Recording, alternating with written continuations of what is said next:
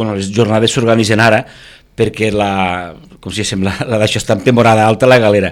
El que és en temporada baixa estem naltros, com si diguéssim, turísticament parlant, i això també beneficia a desestacionalitzar la temporada, eh, que els restaurants que participen generalment omplin els caps de setmana amb un mes de febrer i març que la temporada és baixa doncs és un dels objectius i per això és, és, que és una de les jornades que funcionen més